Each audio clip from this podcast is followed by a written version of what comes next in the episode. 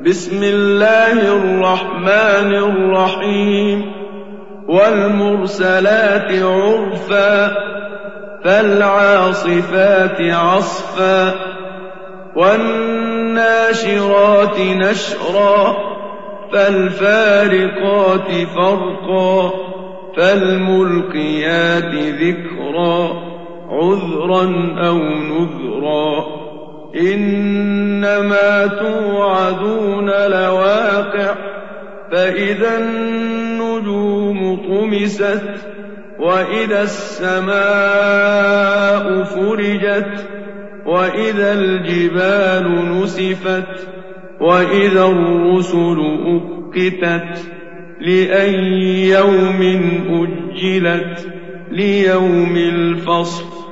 وما أدراك الفصل. ويل يومئذ للمكذبين. ألم نهلك الأولين؟ ثم نتبعهم الآخرين. كذلك نفعل بالمجرمين. ويل يومئذ للمكذبين. ألم نخلقكم من ماء مهين فجعلناه في قرار مكين إلى قدر معلوم فقدرنا فنعم القادرون ويل يومئذ للمكذبين ألم نجعل الأرض كفاتا أحياء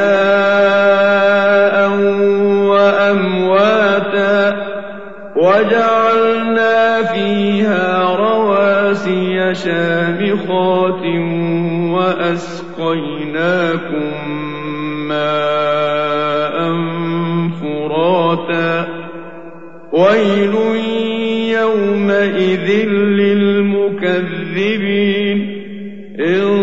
انطلقوا إلى ما كنتم به تكذبون انطلقوا إلى ظل ذي ثلاث شعب لا ظليل ولا يغني من اللهب إنها ترمي بشرر كالقصر كأنه جمالة صفر ويل يومئذ للمكذبين.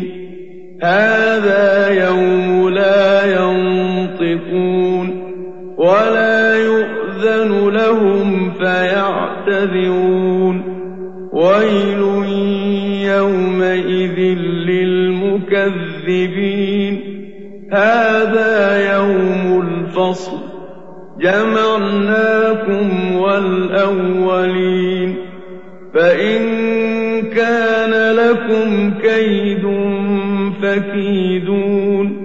ويل يومئذ للمكذبين.